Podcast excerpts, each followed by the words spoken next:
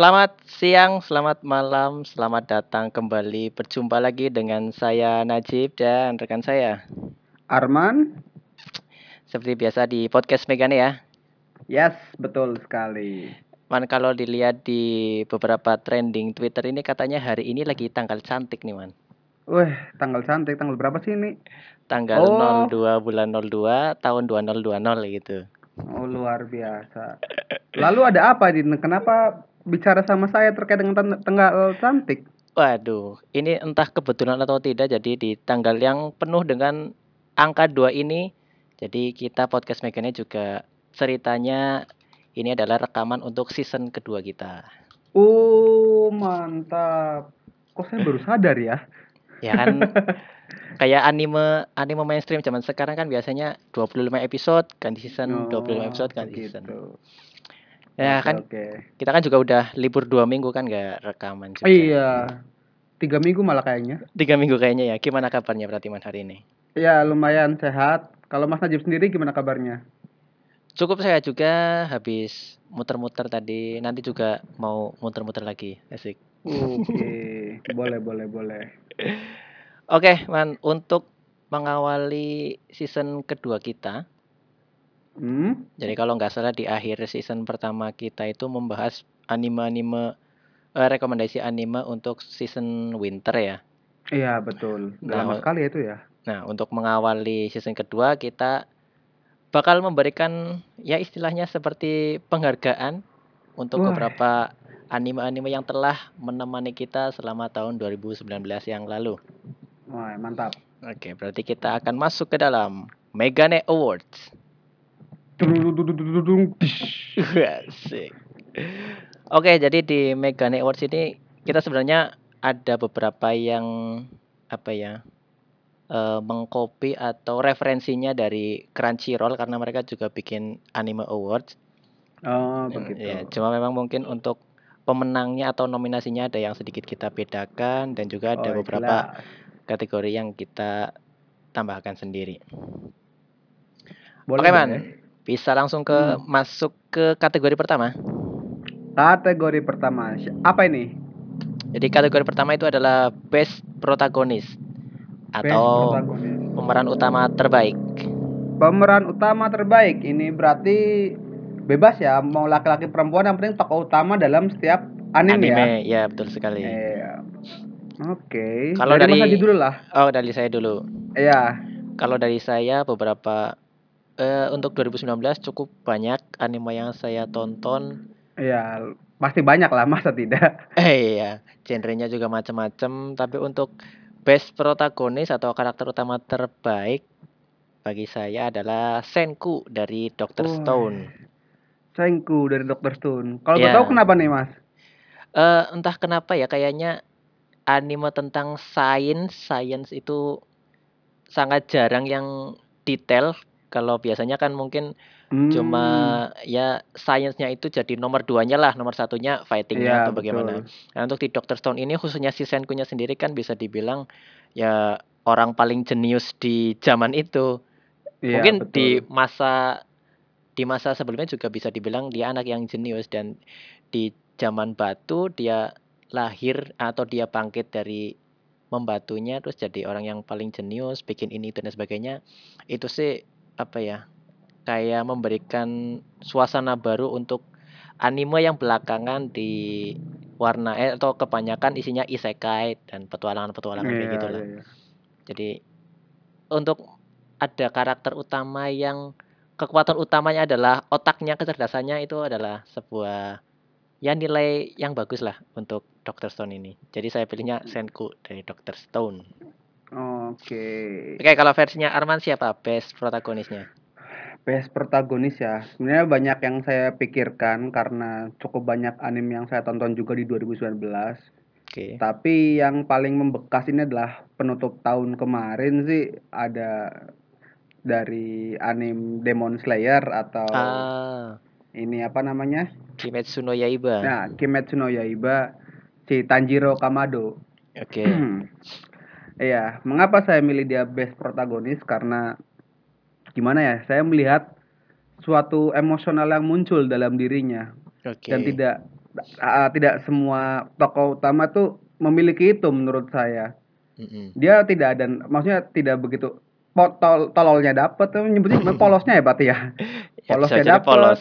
ya polosnya dapet, terus si apa namanya powernya juga dapat meskipun tidak sepower dengan beberapa karakter lain karakter Mm-mm. se karakter di animenya lah ya dia tidak Iya. dia tidak terhebat lah tidak terkuat lah cuman masih kelihatan tidak apa ya gimana ya nggak nggak kelihatan overpower lah tapi masih punya power gitu loh Iya iya iya. terus eh, dia juga punya apa ya kalau saya nyebutnya sih punya zing atau apa sih nyebutnya kayak punya kekua punya karisma yang membuat dia itu lihat saya saya akan beraksi di anime ini Oh. gitu loh Oke oke. Iya. iya seperti itu Tapi kalau Makanya- diperat kalau diperhatikan si Tanjiro ini memang penggambarannya sangat pas ya untuk pemeran utama Iya. yang memang baru latihan 2 tahun jadi dia Betul, kuat betul, betul. tapi tidak paling kuat juga.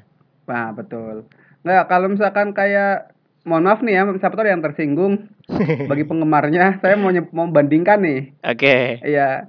Kayak misalkan Saitama, dia kan protagonis tuh di Iya. animenya di One Punch Man, tapi menurut saya dia tidak punya tidak punya karisma untuk jadi tokoh utama. Oke. Di Iya, iya, dagelan aja dia. Iya, menang di humornya sih. Iya, menang di humornya. Jadi Iya, iya. menurut saya malah lebih lebih pantas ya, kalau misalkan saya uh, One Punch Man dari sudut pandangnya Genos, mungkin Genos lebih pantas jadi dari uh, jadi Jadi tokoh utama. tokoh utama iya. Seperti itu. Jadi Oke. kerasa auranya atau karismanya sebuah karakter tuh kelihatan makanya saya lebih milih Tanjiro Kamado untuk jadi protagonis di Oke. tahun 2019 the best protagonis oke Jadi kita agak sedikit beda haluan ya, Man. ya enggak masalah Nggak masalah. Namanya juga selera, barangkali pendengar juga punya pemenang yang lain juga silakan saja. oh, iya betul Oke, lanjut ke kategori Best. selanjutnya. apa ini berarti best antagonis ya Best antagonis atau tadi protagonis sekarang antagonis dong yang. Hmm. jahat musuh yang oke paling buruk sebenarnya bukan yang paling baik ya. Musuh Ya. yang paling buruk di paling buruk 2019. boleh boleh boleh paling buruk Hmm, coba Arman dulu apa, Man? kalau saya ya yang mengeluarkan aura kejahatan terjahat ya Iya. menurut saya nih menurut saya nih datang dari anime yang tak terduga Waduh. Wesik. ya dari Yakuza Kuno Neverland yang mungkin saya pernah sebut Oh, iya iya iya iya. Iya, si Isabella atau ibu ininya ibu pengasuhnya Oh, oke. iya dia dengan muka yang manis tapi menyimpan ketrileran yang luar biasa.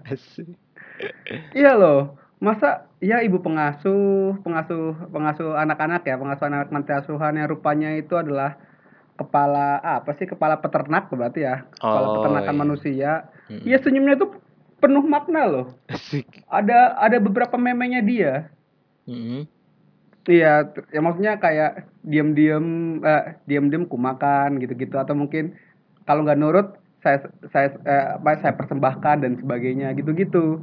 Wow. Nah, ini menurut saya sih jahat sih sebenarnya nggak jahat-jahat amat, cuman dia mengeluarkan aura yang lirikannya itu atau mungkin mengeluarkan karisma yang nonton tuh jadi merinding. Wes. apa nih? Gimana nih? Gimana nih? Gimana nih? Nah ini nih, gitu loh. Oke. Saya kerasa eh, kerasa ketegangannya tuh kerasa. Wah ini auranya kerasa, maksudnya kayak nontonnya itu jadi kayak real life gitu loh.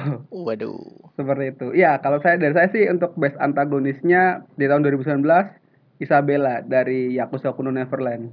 Karena Oke. setiap dia muncul pasti ada sesuatu kejadian atau ada hal yang mendebarkan gitu.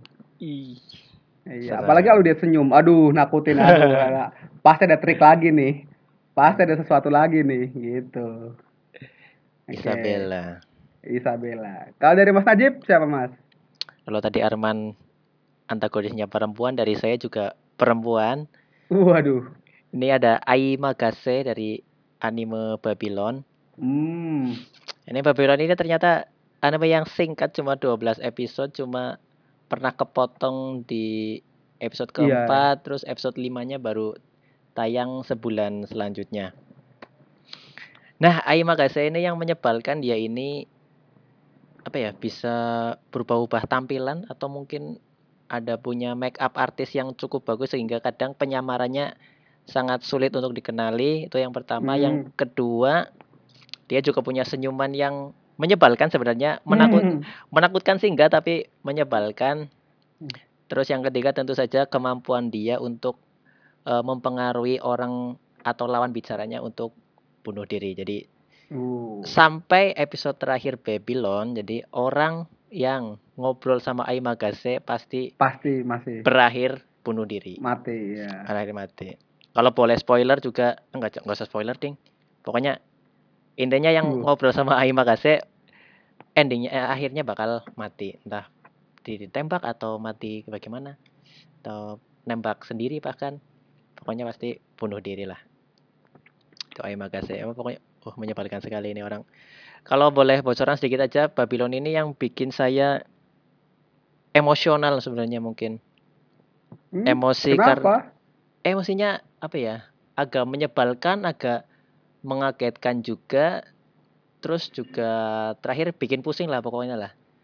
Kalau Oh, kalau gitu. penasaran nonton Babylon aja. Kan dulu kita pernah Hmm. debat kalau ini adalah animenya buat orang dewasa. Iya iya iya, betul betul betul betul. Nah, episode terakhirnya benar-benar menunjukkan bahwa ini anime buat orang dewasa Orang aja. dewasa. Iya. Oke. Ya itu gara-gara si Ai Magase itu. Oke lanjut dari yang serem-serem kita ke kategori selanjutnya ini ada best boy atau laki-laki yang paling oke lah penampilannya selama 2019. Hmm. Kalau dari saya dulu ya. Boleh boleh boleh. Kalau dari saya sih sebenarnya rata-rata anime yang ditonton emang pemeran utamanya ya laki-laki ya, kebanyakan ya. Ya. Terus juga ya kekuatannya macam-macam lah, beda beda-beda.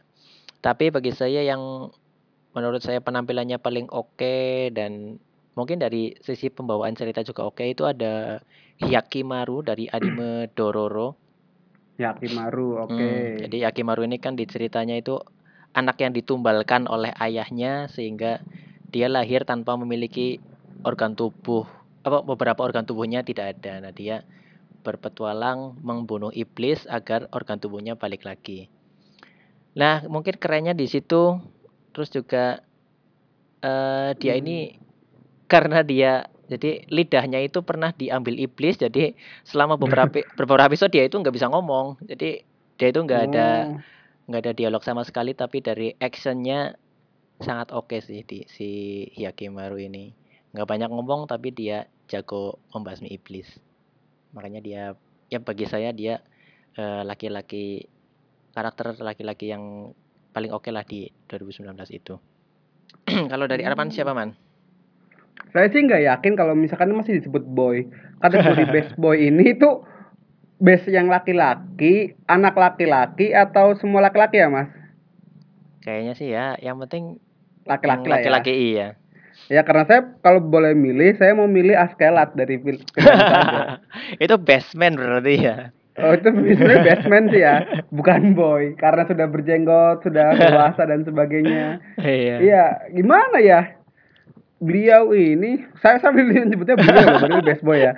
Sangat menghormati Askilat. Iya, sangat menghormati. Beliau ini di endingnya tak terduga. Dia Ya. lebih memi- eh, dia lebih memilih memilih untuk mengorbankan nyawanya demi menyelamatkan seorang pangeran dari negara lain dan menyelamatkan benar. kerajaannya, kan? Iya benar, menyelamatkan Wales. Luar biasa sekali. Dia memerankan peran yang sangat amat penting loh dalam penaklukan bangsa apa sih bangsa Denmark ya?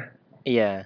Ya, dia punya peran yang sangat penting loh. Dia tidak tidak rakus akan kekuasaan, tidak rakus akan harta. Dia berpikir sangat keras untuk kedamaian yang diciptakan. Mungkin ada hubungannya sama si Finlandnya ya. Kan Finland kan apa sih eh, dataran yang bebas lah ya. Iya ya. Ya mungkin dia punya peran yang penting di situ dan dia tidak mencari tahta, tidak mencari harta. Hmm. Meskipun kalau dilihat dilihat dengan mata biasa dia kayak orang yang rakus akan semua kanan kiri ya, semua harta, uang dan sebagainya ya. Cuman endingnya tidak. Dia memilih untuk menjadi orang yang mati terhormat Oh demi iya, benar. seorang pangeran yang dia baru kenal berapa episode gitu loh. Iya.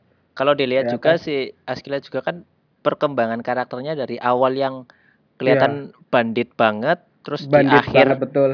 di akhirnya jadi baik jadi ya. Jadi bijak lah kalau Iya, baik bijak, mungkin betul. agak Iya belum tentu iya, yang belum nggak tentu baik-baik juga sih Tapi- emang brengsek memang itu Hmm. sebenarnya. pas memutuskan mau milih si pangeran atau Wells juga kan dia harus memikirkan hal itu di Betul. waktu yang singkat kan Singkat sekali itu ada bisikan dari raja yang jahat langsung Hmm. tertrigger udah nggak usah milih nggak usah milih salah satu kenapa tidak milih keduanya korban Iya. ke nyawaku luar biasa menurut saya itu pilihan yang bijak dan wajar bagi saya untuk memilih best man atau best boy Oh, iya. di tahun 2019 beliau beliau Askelat ini. Kalau boleh itu. digambarkan jadi keputusan Askeladd yang terakhir itu bisa jadi adalah apa ya solusi kalau ada kan ada istilah seperti makan buah si malakama tidak dimakan mati dimakan mati. Nah ini Askeladd ya mau milih yang mana pun akhirnya mati juga akhirnya dia memilih membunuh dirinya sendiri betul Keren mencari sih. opsi ke mencari opsi ketiga ya iya benar sekali keren sih Askeladd setuju ya bagi Setuju. biasa pemikiran gua Oke, lanjut Oke. dari pemeran pria yang terbaik kita lanjut ke pemeran perempuan terbaik atau best girl. yes saya dulu dong kalau boleh Oh ya, silakan. Ini pasti banyak yang setuju nih dengan saya, tapi nggak tahu nih. Masa bodoh saya mau dianggap apa pun, saya pilih ini best girl ya, best girl ya. Best jadi girl. karakter akan, yang akan saya sebutkan itu bisa punya dua versi, yaitu jadi girl, jadi lady. Gila kan keren. Asik. Namanya Nezuko Kamado. Kimetsu no Yaiba. Hmm. Kalau ini sih Ya, kita jelas. sama, Man. Oh sama. Oke, gimana ya? Ini saya gambarnya gimana dia bisa jadi kecil, imut, cute dan apa ya? Dan menggemaskan. Tapi Iya. dia bisa juga bertarung jadi jadi le- bukan lady juga sih, jadi woman lah ya. Atau Iya. jadi ya jadi perempuan yang seusia normal lah, seusia anak sekolahan mungkin. Bisa bertarung juga, terus punya sisi emosi yang kuat meskipun tanpa berkata-kata, ya kan? Ya gimana Sulit ngomong? loh. Sulit, sulit nggak bisa ngomong Iya. juga orang sulit ada babunya. sulit menyampaikan sebuah perasaan tanpa berbicara itu sulit Iya, iya. tapi Nezuko itu bisa menyampaikan perasaannya sama eh, sama si kakak dan sama orang-orang orang-orang sekitar sama manusia ya Iya, iya. sama manusia sampai ke kita perasaan itu loh oh iya ya oh bisa juga ya seorang iblis mau melindungi manusia tanpa bicara loh tapi saya bisa mengerti perasaannya Nezuko gila aduh saya jadi kayak agak wibu ya ya nggak apa-apa. Kalau emang disambung sama yang tadi Arman bilang di si yang pertama siapa? Si Tanjiro-nya kan ada Iya. kepolosan. Si Iya, Nezuko-nya betul. juga menunjukkan kepolosan dari ya Betul. terutama dari pandangan matanya lah itu udah kelihatan banget kalau lagi bingung Hmm. kayak gimana, kalau lagi eh, serem kayak gimana itu oke sih. Terus kalau bagi saya Betul. just malah lebih keren entah ya kalau Nezuko pas lagi masih manusia kan cuma di ingatan-ingatannya si Tanjiro aja. Tapi Iya, bagi betul. saya lebih keren si Nezuko pas sudah jadi iblis. Betul. yang bikin yang yang bikin bagus lagi apa coba? Cara dia lari. yang tangannya itu harus apa sih Iya. harus melebar kayak pura-pura punya sayap gitu. Coba Iya. kalau datang ke Bunkase Bunkase sekarang pasti banyak jadi ja- Wow. cara jalannya seperti itu. Banyak Banyak, Oke. banyak, Eh, serius. Jangan kan nggak usah datang ke Bunkase deh, coba lihat aja cosplaynya Nezuko di di YouTube. Ah, udah pada Yes, lari begitu semua. Ya mungkin itu sudah jadi tren juga sih cara lari yang seperti itu. Ya mungkin itu yang membuat saya mikirnya, wih imut sekali nih orang. Iya sih. Nezuko Kamado. Ya sama berarti ya ini ya untuk Sama best kalau best girl ya nggak bisa sih ya kayaknya nggak bisa kepikiran yang lain sih udah paling Iya. ikonik lah di 2019 itu Nezuko Chan. Iya betul, ikonik itu juga. Sebenarnya sih di selain saya pengen milih ada satu ada satu kandidat yang saya pikir sih sebenarnya. Heeh, Ya Raftalia dari Tateno Yusa. Oke. Cuman sebenarnya pas awal dia bagus. Jadi saya bisa di kalau nonton kalau nonton animenya kita bisa lihat proses dari Raptalia kecil terus remaja sampai dewasa. Tapi pas Hmm. dewasanya jadi biasa, jadi kayak karakter yang tidak punya apa ya, tidak punya sebuah tidak punya apa sih tidak punya keunikan khusus lah. seperti itu sama kayak karakter biasa gitu loh Cuma waktu kecil sama remajanya bagus dia pertumbuhannya dapat emosinya dapat kuatnya juga dapat dan sebagainya cuman pas jadi dewasanya biasa aja tidak ada apalagi jadi terlalu bergantung sama tokoh utamanya aduh jadi ya tidak ber, ya tidak ini aja lah kurang pas lah tidak tidak cocok untuk jadi ikon atau jadi best girl 2019 Oke. tetap Nezuko mantap Nezuko Nezuko Chan. Oke. Dari best girl karakter perempuan terbaik. Hmm, Lanjut Sip. ke kategori Best selanjutnya. Ini pada best storyline atau jalan cerita terbaik di tahun 2019. yes. Kira-kira saya dulu lah. Boleh, Kalau dari saya memang ada beberapa sih tadi juga. Mungkin awal-awal saya pilih judul ini tapi saya pikir-pikir ganti lagi. Nah terus Hmm, eh, akhirnya dengan berat hati ah bukan dengan berat hati sih. Akhirnya saya memilih satu judul yang mungkin tidak terlalu banyak penontonnya tapi bagi saya cukup oke. Ini ada Kanata no Astra atau nah Astra betul. Lost in Space. Hmm. Ini kan dulu di waktu episode isekai pernah saya tanya ya, kalau ini masuknya isekai atau enggak? Karena saya kira ini kan ada setelah beberapa ratus tahun ternyata makhluk bumi pindah ke planet lain, tapi ternyata tidak. di- masuknya bukan isekai. Nah, yang keren dari Astrolus in Space ini ya satu disuguhi beberapa walaupun mungkin ini pemandangan-pemandangan yang fiktif ya, tapi pemandangan di luar angkasa itu sangat jarang. Selain Gundam mungkin tidak ada yang mengeksplor eh, kejadian-kejadian di luar selain bumi ya. Mungkin ya kalau saya ada kalau kayak saya One Punch- nontonnya One Punch One Man. Punch Man Ya kan eh, cuma dilempar ke bulan dia ya kan bulan masih dekat. Kalau Gundam kan Iya. juga kadang ke planet Mars ada atau Hmm, battle-nya di iya, luar iya, angkasa. setuju, Nah, setuju, si setuju, Astra setuju. Lost in Space ini di luar angkasa bukan berantem tapi mereka berpetualang atau lebih tepatnya mencari jalan pulang sih karena mereka Hmm. dijebak dilempar ke dunia atau ke planet lain dan Hmm. perjuangan mereka untuk survive itu bagi saya oke sih ya, beberapa ja- sangat jarang ada cerita yang mengeksplor luar angkasa dan eh, tema utamanya survival. Terus yang oke-nya lagi sempat ketemu orang bumi jadul yang eh, tertidur di dalam kapsul waktu.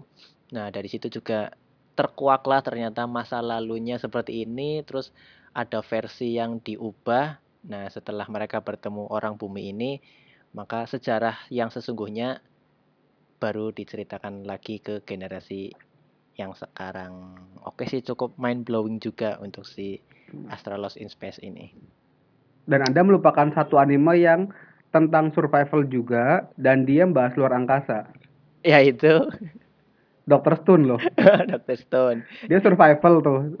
Ya, dari tapi luar kan- angkasa juga. Ya tapi kan luar angkasanya sedikit cuma iya sih. luar angkasanya itu faktor penyelamat sedangkan ini luar angkasanya adalah yang mau bikin mereka mati ini luar angkasa oh oh kebalikannya ya kebalikannya kalau dari Oke, Arman oke, oke. kalau dari Arman mana Mas? kalau saya best storyline ya Heeh. saya masih terngiang-ngiang sama ini sih sama Yakuza Kudo Neverland wah Serius, oke. tak dia out of the box tak terduga, tak terduga sekali. Kenapa Hmm. bisa panti asuhan yang bahagia bahagia bahagia jadi peternakan manusia? Itu weh, luar biasa. Menurut saya itu storyline ter- terbaik ya versi saya 2019. Oke. Karena Kalau yang lain rata-rata sama sih. Ini nggak ada Iya. bertarungnya loh, nggak ada nggak ada main Oh. fisiknya loh. oke. Cuma kabur-kabur terus ya pikiran anak anak usia 12 tahun gimana sih Hmm. mikir untuk kabur ya kan ada Hmm. psikologi anak 12 tahun untuk memikirkan cara terbaik dan sebagainya ya pemikiran pemikiran bocah tapi mencoba untuk dewasa seperti itu saya senang di situnya out of the box kan di situ Iya. Kalau boleh tahu itu man eh, terkuak kalau ternyata panti asuhannya itu tempat untuk penumbalan itu di episode keberapa? episode 1 sudah terkuat Oh, langsung terkuak. Wow. langsung langsung si luba karena ceritanya kalau nggak salah nih kalau nggak salah ada ada satu anak yang sudah matang maksudnya sudah eh, dia pintar usianya cukup terus dibil terus pamitan sama temen-temennya dadah dadah nah temennya saat ada satu temennya yang ih ini boneka kesayangannya ketinggalan ayo kita antar yuk sebelum dia pergi ya waktu ngeliat Ciluba di, ditransaksi sama iblis. Waduh. Nah, di situ. Nah, iblisnya juga ih, saya mencium bau manusia yang lain, nggak nemu. Oke. Tapi ada boneka itu. Nah, kan itu la- langsung makanya saya bilang episode satunya itu apa namanya sempet hits pada Iya, iya. pada dua minggu awal gara-gara itu pak. Langsung bahagia bahagia Ciluba. Wih harusnya kan ini orang-orang eh, habis habis habis diadopsi ngirim surat ngobrol-ngobrol atau mungkin datang mampir. Ini tidak. Kenapa tidak? Karena sudah dimakan selesai. Seperti itu pak. Storyline-nya bagus sampai itu sebenarnya kan kayak kalau misalkan zaman penjajahan kayak ada apa sih eh, kalau perja- perjanjian Linggarjati kan di Linggarjati atau perjanjian Mm-mm. Renville kan di kapal Oh. Renville ya. Nah ini Iya. perjanjian Neverland tuh perjanjian yang terjadi di atas Neverland di tanah Neverland Oke. gitu. Tanahnya Michael Jackson tuh Neverland. Bu ya sebenarnya sih iya kalau di real life Iya. tanahnya Michael Jackson. Kayaknya tanah iblis maksudnya. Waduh. gitu. Best storyline versi saya. Kalau versi Oke. Mas Najib apa nih? Udah tadi ya? sih tadi sih iya karena Thanos Astra, Astra. Astra Lost Invest ya? Oke, Iya, betul sorry, sorry, sekali. sorry. Hmm, Jadi nganggur, eh jadi mabuk gini ya. Oke, beranjak ke kategori selanjutnya. Ada Best Animation. Oke, Oh, best animation. animasi Sepertinya, hmm, oke saya dapat. Apakah kita punya judul yang sama atau beda mungkin? Atau mau disebut bersamaan? Aduh, susah. ya, susah. Oke, versi apa dulu nih? ya, Versi saya. ya silakan. Oke, kalau saya Kimetsu no Yaiba. ya sama berarti. Oh sama. Luar biasa. Rupanya kita punya beberapa kesamaan. iya, beberapa kesamaan. Iya. Best animasi. Kenapa ya kalau saya bilang best animasinya Kimetsu no Yaiba? Gimana? Bagus sih memang Hmm. grafiknya ya. Iya, iya benar. Terutama pas ngeluarin jurus sih. Terutama pas ngeluarin jurus itu Ah betul. air, petir dan lain-lainnya itu digambarkan kayak layaknya cipratan lukisan sih kayaknya. Ceret, uh, Iya betul, betul betul betul betul. betul. artistik. Hmm, sama apa lagi ya kalau saya boleh lihat ya. eh selain jurusnya, Hmm. jenis-jenis pedang, terus sama Eh, baju yang dipakai itu gimana ya? Nggak nggak nggak biasa loh, unik. Iya nggak sih? hmm, Iya. ya kan? Unik gitu. Kita seneng di situ juga. Terus model-model apa? Model-model karakter-karakter yang ada di situ kayak gimana ya? Ya tidak tidak sama dengan karakter-karakter yang lain atau anime-anime yang lain.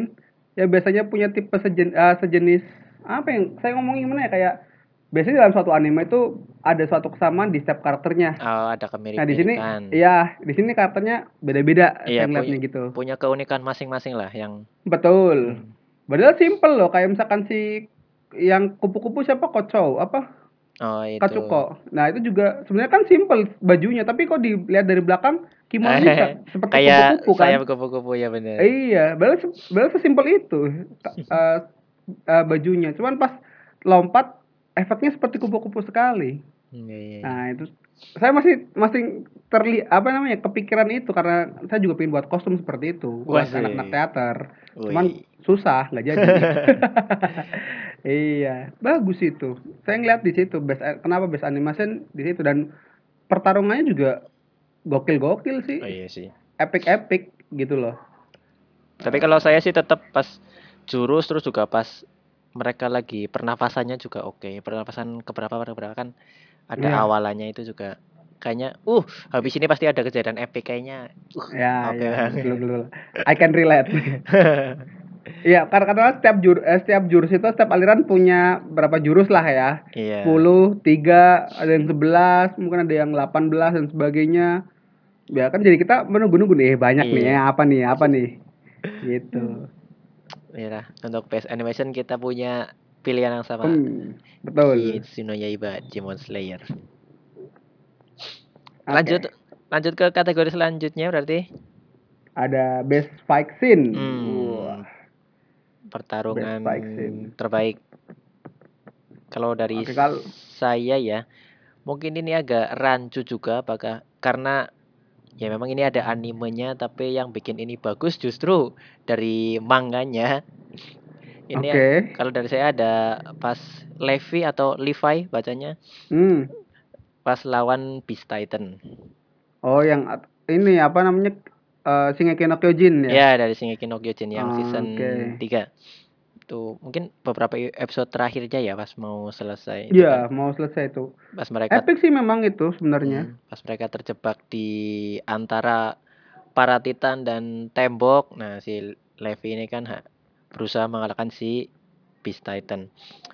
Nah, yang bagi saya keren ini ketika buk sebenarnya dari animenya oke lah, cukup keren. Tapi yang benar-benar bikin saya hype itu dulu sempat berseliweran ada GIF atau gambar bergerak ketika dari manga Shingeki no Kyojin-nya itu ada orang yang merangkai gambar-gambar di dari manganya itu jadi sebuah animasi bergerak. Hmm. Wah, itu walaupun gambarnya jelas ya hitam putih, guratan-guratan dari ya guratan pena lah mungkin. Terus juga gambarnya hitam putih, tidak ada suara, cuma ada efek-efek saja. Tapi wah, itu bagi saya keren sih waktu si Levi ngelawan si Beast Titan. Mungkin agak melenceng ya karena bukan dari anime tapi itu best fight Oh, nggak scene-nya lah di tahun Best fight 2019. Iya. Nah, itu kalau dari saya man. Kalau dari Arman yang Hmm, mana? saya masih bingung antara dua pertarungan. Wih. Iya. Tapi sepertinya karena memang ini yang membuat salah satu eh, salah satu reason atau alasan mengapa ini masuk ke best fight menurut saya. Wih. Si Tanjiro sama Nezuko versus Rui. Ah, Salah satu 12 iblis bulan itu. yang pakai Ya, saya- benang ya? Iya yang pakai benang musuhnya. Mm-mm. Di situ kan Tanjiro yang sudah yang sudah mengeluarkan semua jurusnya tapi masih belum bisa menyentuh Rui sama sekali. Heeh. Rupanya Rui masih punya power yang luar biasa. Terus ada Nezuko yang sedang dijerat Oh iya benar. dan diperas sekali. darahnya seperti itu kan. Saya melihatnya kayak, wih, kasihan ini harusnya harus bisa harus ada apa namanya? harus ada pendobrak atau mungkin harus ada keajaiban Mm-mm. muncul memang keajaiban itu tapi setelah keajaiban itu di- eh, digunakan Rui belum kalah. Iya, kurang ajar sekali. itu memang kurang aja tapi di situ merinding men. Iya. ada emosinya Nezuko harus menyelamatkan manusia menyelamatkan manusia. Tanjiro manusia Tanjiro kakakku gitu. Tanjiro juga harus menyelamatkan adikku. Adikku tidak eh, adikku harus jadi manusia kembali dan Iya, sebagainya. set muncullah serangan terakhir Pamukas bergabungnya itu tetapi tidak terjadi apa-apa dengan Rui hanya membuat Rui marah seperti itu Itu yang terakhirnya ada pernapasan api ya, pakai pernapasan api ya. Eh, iya betul Iya. perasaan api Si Sebenarnya kalau dibuat sebelum se- disebut pernapasan api juga enggak sih. Iya, cuma itu karena ajaran bapaknya dulu ya. Iya, dia pakai pernapasan biasa, tapi si apa kekuatan kekuatannya Nezuko itu buat meledak airnya. Mm-mm. Darahnya itu bikin meledak gitu. Kan darahnya ada di di apa sih di benangnya Rui gitu Iya. sama di pedangnya pedangnya Tanjiro seperti itu. Itu selain keren juga bikin kaget sih karena kita sempat Iya. ketipu si Rui-nya ketebas. Oh, ternyata dia yang menebas kepalanya sendiri, guys. Iya, Sialan. menyebalkan sialan betul. Ya gimana ya? Iya. Kita ngiranya yes menang dengan sebuah Iya. keajaiban. Tapi Ternyata. suter eh, apa sih nyebutnya eh, si autornya atau komikanya tidak tidak ingin tidak ingin mudah ditebak. Ya, benar. emang emang semudah itu mengalahkannya Iya. pakai keajaiban menang. Tidak dong. ya masih hidup. Pas masih hidup rupanya ditolong. Tapi nggak masalah, tetap best fight Iya, scene benar. menurut saya. Itu juga eh itu animasinya bagus sekali, Pak. Iya benar sekali. Toh keren Setuju, dari setuju. awal dari awal Tanjiro dihantam babak belur atau sampai menggunakan semua jurusnya tapi Rui tidak kenapa-napa itu bagus sekali Ya, makanya saya milih best fight scene-nya itu jadi di Kimetsu no Yaiba Tanjiro dan Nezuko versus Rui Ya, oke. merinding juga saya nontonnya der gitu oke lanjut Lanjut, tadi udah ada beberapa judul-judul baru ya bisa dibilang ya yang masuk ke Hmm. kategorinya. Nah, ini mulai ke kita bikin kategori untuk judul-judul yang lama atau yang ada sequelnya di tahun 2019. Boleh, boleh. Nah, kategori selanjutnya ini ada most improved atau judul yang paling berkembang di sequelnya ini. Hmm. Kalau kan ada beberapa anime yang lanjut ya sequelnya di 2019. Ya, ada Kalau- OPM, Psycho Pass, Sao, Shokugeki no Soma, Nanatsu no Taizai mungkin, Boku no Hero. Ya, dan Boku no ya, kawan-kawannya. dan kawan-kawannya. Nah, kalau bagi Arman yang masuk most improve atau yang perkembangannya paling oke di tahun 2019 sequelnya adalah judul apa? Yang paling oke. Ini belum berakhir boleh nih. Enggak apa-apa. Yang penting mulainya Boku no 2019. Hero. Boku no Hero ya. Boku no Hero, iya. Gila men. Sekarang buat jadi seorang uh, seorang pro hero itu nggak cuma diperlukan kekuatan doang. Iya Rata-rata kan konsep konsep hero itu atau konsep pahlawan tuh yang penting kuat, ya gitu kuat-kuatan ya. lah ya. kuat atau bijak dan sebagainya. Bahkan orang bijak pun belum tentu jadi hero yang bagus iya, gitu loh, sekali. kan?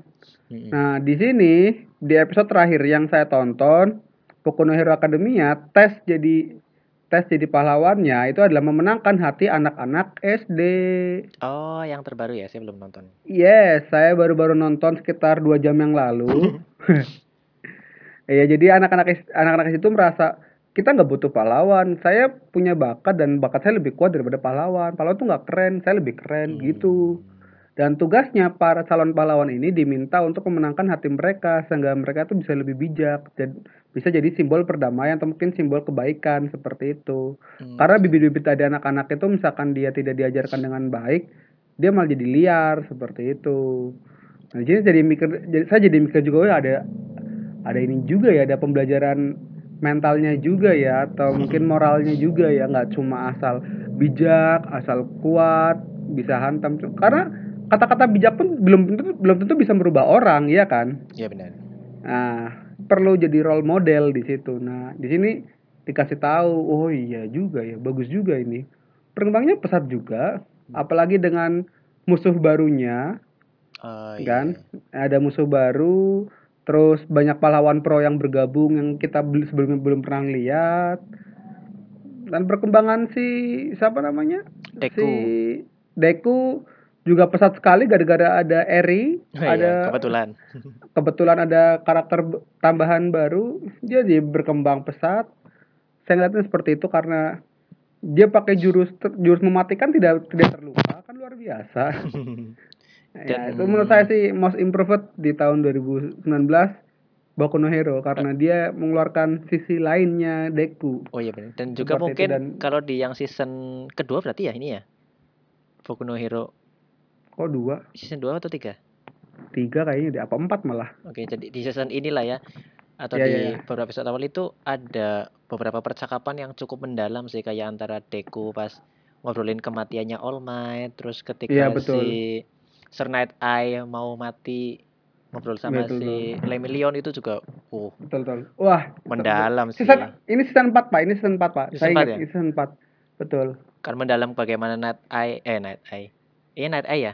Iya naik eye meninggal men Ya, dia kan meramalkan bahwa si Lemillion ini bakal jadi pahlawan terhebat sih. Kan Iya betul. entah itu cuma sekedar eh, penggembira Omongan, eh, ya. atau memang dia benar-benar sudah melihat Betul. masa depan. Uh, ngeri sih ini. Iya betul. Kalau- ya gimana? Usaha keras juga muncul di situ. Hmm, Tapi kalau dari fighting mungkin masih oke di season-season sebelumnya ya. Ya sama sih. Sama ya epicnya. ya? Oke. Sama epicnya. Ya kan kalau sebelumnya banyak bertarung antar hero sih ya. Iya, iya benar. Iya ini bertarung lawan ininya dong. Lawan pahlawan bener-bener eh, lawan musuh bener-bener musuh. Villain bener villain gitu. Oke. Kalau Mas Najib apa Mas? Kalau saya mungkin agak sedikit anti mainstream dan mungkin Anti mainstream. dan mungkin banyak orang yang tidak setuju tapi bagi saya yang paling berkembang di 2019 itu sequelnya Psycho Pass yaitu Psycho Pass Hmm. season ketiga. Pertama yang jelas yang paling berkembang adalah durasinya karena satu episode 45 menit itu Bikin- Mantap. bikin- Berkembang sekali ya. bikin penontonnya puas lah walaupun akhirnya juga tamatnya lebih cepat. Terus juga dari Psychopass sebelumnya itu eh, musuhnya beberapa kali sempat apa ya gampang ketemu lah kalau dengan musuhnya di yang season beberapa season sebelumnya tapi di season ketiga ini sama sekali tidak tahu musuhnya siapa dan markasnya di mana. Cuma memang ada kaki tangan musuh yang sempat ya ketahuan namanya lah tapi juga tidak ketangkap juga. Dan sampai Hmm. akhir season ketiga ini juga belum ada konklusi musuhnya belum ketangkep.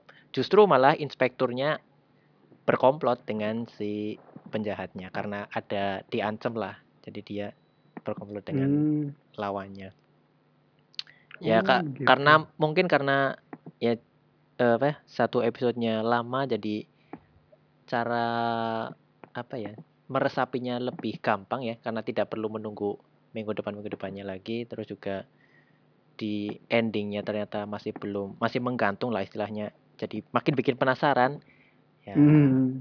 jadi makin ya benar-benar makin penasaran ini gimana eh, season 4-nya atau movie-nya bagaimana sih lanjutan Psychopass ketiga ini kalau bagi saya Psychopass 3 paling berkembang 2019 Paling berkembang ya.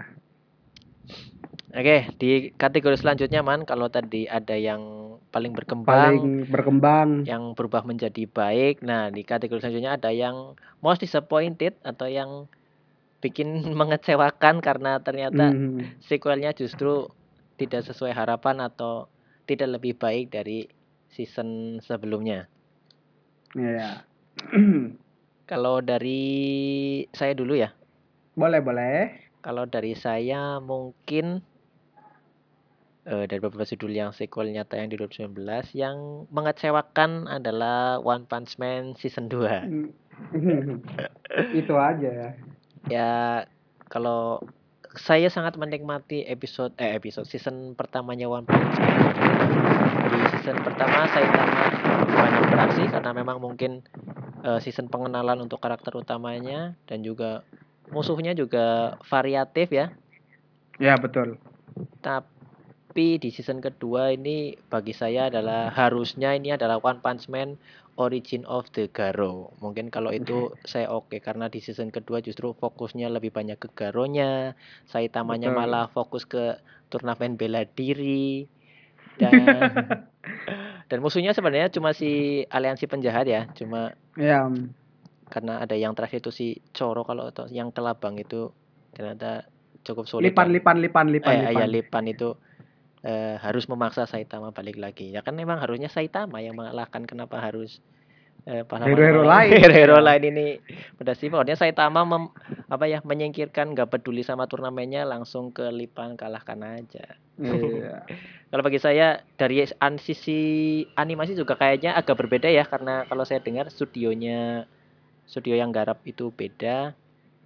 Ada be- Hmm. ada beberapa karakter yang di season 1 sama season 2 itu berbeda. Terus juga dari humor juga nggak terlalu lucu di season kedua. Jadi One Punch Man season 2 bagi saya cukup mengecewakan. Semoga di season ketiganya lebih baik lagi karena sudah jelas lawannya itu ada si aliansi penjahat. Gitu. Oke. Kalau dari Arman, mana man yang cukup mengecewakan? Kalau dari saya ada Shokugeki no Soma season 4. Wah. Mana ya dibanding season sebelumnya itu saya ngeliatnya jadi agak pandangan saya ya Mm-mm. jadi oh gitu aja. Meskipun dilewati 4 4 season ya, cuman tetap aja nggak nggak kerasa gregetnya gitu. Oke. Eh, Iya, jadi masih kelas 1 si Soma menduduki posisi paling atas Hmm, kan kayak iya kayak kelihatan banget kayak keajaiban anim gitu loh. overpower lah ya. Nggak- Iya. baru. Overpower tapi over over over apa sih? Overcooking berarti overcooker. Iya. Dia mengalahkan yang orang nomor satunya jadi ringan gitu loh. Hmm. oh gitu doang. Cuma modal masakan yang seperti itu. Saya jadi ngeliatnya seperti itu pak. Padahal dulu kalau ngeliatnya wih susah ya. Terus ada kekalahan Soma dan sebagainya. Eh, berarti memang enggak Tidak mudah. namanya, tidak mudah seperti Hmm. itu. Memang harus perlu banyak belajar tapi yang mengalahkan Soma sebelumnya aja tidak tidak muncul di situ Oh. iya kan Soma sempat kalah sama si Ro, eh, siapa tuh yang yang i- baju hitam lupa sama sama yang ahli spicy ahli ahli makan rempah, ah- ahli penciuman rempah-rempah. Wow. Soma tidak melawan tidak melawan mereka berdua dan mereka berdua Hmm. didiskualifikasi di awal-awal. Oh, jadi memuluskan jalannya si Soma ya. Iya, malah memuluskan jalan memuluskan jalannya Soma. Jadi kayak gimana ya? Harusnya lebih bisa lebih epic kalau misalkan beberapa karakter yang membuat Soma berkembang itu muncul di situ atau Hmm. mungkin ikut bertanding di situ. Ini tidak Oke. di situ. Nah, terus gimana ya? Masih kelas 1 ba- kalau di kalau kalau mungkin di real life se- empat season lama ya. Cuman kalau di animenya dari si- empat season itu masih di tahun yang sama. Oh, belum naik kelas. Belum. Jadi sangat cepat gitu loh perkembangan Soma. Hmm. oh Cuma iya. modal magang dua bulan, ketemu ayahnya seminggu, bisa jadi peringkat satu. Itu saya agak kecewa di situ. Saya kira janganlah dimenangkan dulu Soma. Oke. Masih Kayak mungkin panjang. kalau dibandingkan sama yang sejenis itu ada Cooking Master Boy ya. Jadi Iya betul. si siapa ya namanya? Si Mao itu kan juga ikut kompetisi tapi akhirnya di final dia tidak juara pertama karena lawannya juga Iya. setara dengan dia akhirnya dijadikan juara bersama. Mungkin lebih ya oke lah dia tidak juara karena ada lawan yang tangguh juga. Mungkin bisa Iya, dibikin kayak betul. gitu ya. Iya, kalau enggak jangan terburu-buru lah untuk nge- ngejar itu. Kejar yang lain. Hmm. Mungkin tujuannya memang itu sih. Ya mungkin niatnya mau to the point langsung. Jadi ini udah tamat, tamatnya begitu aja. Oke. Dia peringkat satu, udah titik. Terus apalagi mau diraih? Nggak Oh, akan iya. dibuat season 5 malah jadinya. Langsung turun itunya pasarnya. Nah, rencananya memang ada season selanjutnya atau enggak ini? Kayaknya sih nggak ada. Nah begitu udah selesai. Udah Malah selesai. jadi nggak enak ya jadinya ya. Iya, jadi nggak asik, nggak nggak ditunggu-tunggu lagi, nggak dinanti-nanti lagi. Oh gitu doang. Iya, itu menurut saya sih ya, Iya, no Soma. Saya agak agak kecewa di situ. Iya. Meskipun beberapa karakternya ada yang perkembangannya bagus. Mungkin Selain- kalau misalkan bukan bukan Shokugeki no Soma ya judulnya, Shokugeki no Todokori. Nah, itu bagus. Karena bagus. karena yang berkembang justru Iya. bukan karakter utamanya. Iya, Todokori, Megumi. Itu berkembang sekali. Malah men- menurut saya kalau misalkan sudut pandangnya dari si Todokori Megumi, ceritanya bagus. Oh, ya Oh. persahabatan saya dengan calon koki nomor satu gitu-gitu. Oke. Saya dulu kelamsi, sekarang bisa mandiri. Sekarang banyak yang pingin pingin makan masakan saya. Dulu saya bukan orang siapa-siapa dan sebagainya. Malah bagus. iya. Dan perjuangannya dia kelihatan banget. Si siapa? Dari Oh, eh, si Todoko eh Todokor Todokori Megumi ya. oh iya. Todokoro Megumi nah itu itulah. Kalau misalkan dia yang jadi tokoh utama, saya malah lebih lebih punya harapan tinggi. Oh, bagus ini. Dan dia punya teman yang seperti itu, eh, punya teman seperti Soma. Nah, tujuannya adalah nanti ke Soma. Hmm, Bagus. Versi saya. iya. Begitu, Pak. Oke, kalau bagi saya One Punch Man yang cukup eh, mengecewakan, Arman ada Shokugeki no Soma. Alasannya hampir sama ya karena karakter utamanya tidak Iya. begitu menonjol lah istilahnya kayak gitu. Nah, Man di kategori terakhir ini kita langsung aja untuk anime of the year 2019, anime paling oke sepanjang 2019. Hmm. Oke. Mungkin kalau dari beberapa kategori sebelumnya yang dimenangkan oleh itu, apakah juga memuluskan judul ini menjadi anime of the year? Versi Arman dulu. Hai.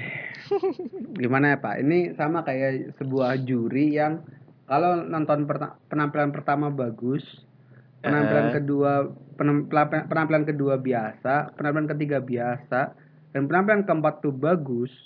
Penampilan Hmm. terakhir namanya penampilan terakhir bagus. Iya. Ini pasti akan apa namanya? Pak akan menimbulkan kontradiktif yang rasa bagusnya di penampilan pertama akan tertutupi dengan rasa bagus penampilan terakhir. Oke gitu. Connect maksud saya. Iya iya iya. Nah, ini kalau saya ngelihat dari timelinenya, Oke. kalau sebelum saya kenal Kimetsu no Yaiba, saya pasti akan milih Yakusoku no Neverland. Wah, sih. Ya, karena dia bagus, out of the out of the box, storyline-nya juga oke. Dan ceritanya ya begitulah, luar biasa, tidak seperti anime-anime yang eh, apa sih anime-anime zaman sekarang yang itu-itu doang. Dia beda. Tapi di penghujung tahun Kimetsu no Yaiba naik tahta. Set. Nah, iya. Bagus sekali per- performanya ditambah dengan animasinya yang luar biasa, terus karakter-karakternya, perkembangannya hmm, membuat saya berpikir berapa kali tadi saya mikir ini siapa yang menang ya, ini siapa yang menang ya, seperti itu. Oke. Tapi karena penghujung tahunnya beliau luar biasa, si Kamado Tanjiro, jadi sepertinya saya akan memilih Kimetsu no Yaiba untuk anime of the year. Wah, sih. Ya selain selain animenya, openingnya juga mendukung. Oh, iya iya iya. Ya si Gurenge, Lisa ya. ya Lisa, Nah, itu, wah lengkap ini. Guys, anime of the year, Kimetsu no Yaiba. Seperti itu. Oh, berarti kita Kalau mau ditanya, Hah? berarti kita satu suara lagi nih untuk anime. Wah. Oh. ya gimana ya Iya, kalau dilihat sebenarnya itu saya cuma bingung di antara dua itu dia Hmm. pertama sudah bagus namanya di uh, apa namanya uh, awal-awal di pertengahan 2019 Yakusoku no Neverland sudah naik tahta bagus ngehit nge-hype. Pas de- Kimetsu no Yaiba muncul mulai turun. Pas menjelang Endi eh pas mulai bertarung versus Rui naik paling atas. Seperti itu. Ai, Iya sih. ya tetap menurut saya mohon maaf ya Yakusoku no Neverland tapi ya Kimetsu no Yaiba wajib mendapatkan ini mendapatkan penghargaan Anime of the Year dari saya.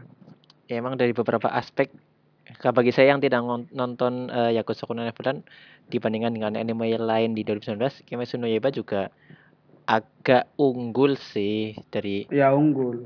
pengembangan karakternya, dari animasinya tentu tadi terus juga tentu didukung nantinya untuk season keduanya. Kan ini kan season pengantar sebenarnya tapi kita aja Betul.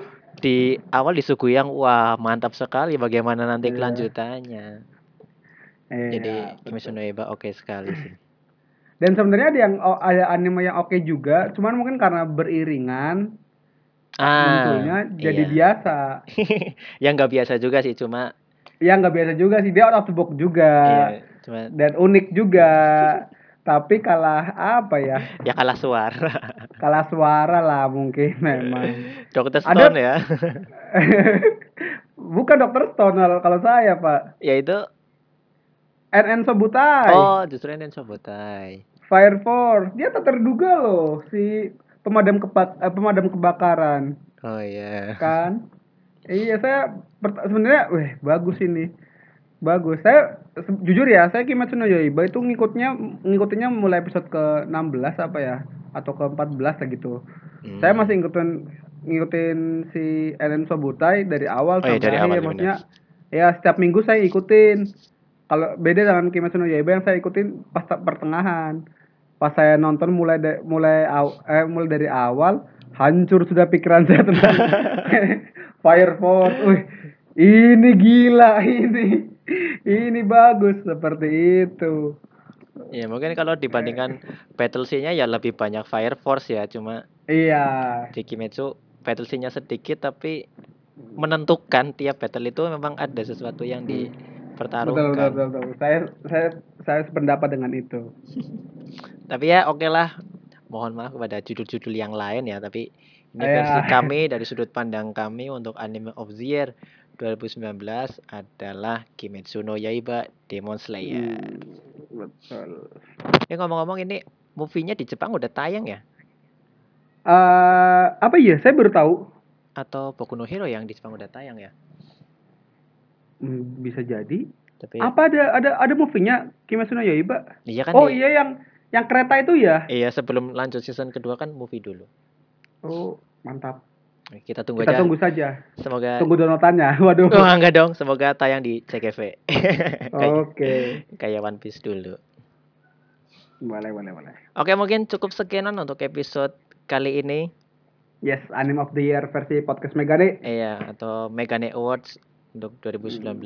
Ya, beberapa kategori udah kita uh, paparkan, siapa pemenangnya juga dan mungkin kalau ada versi lain menurut pendengar, silakan aja beri masukan Twitter lah khususnya.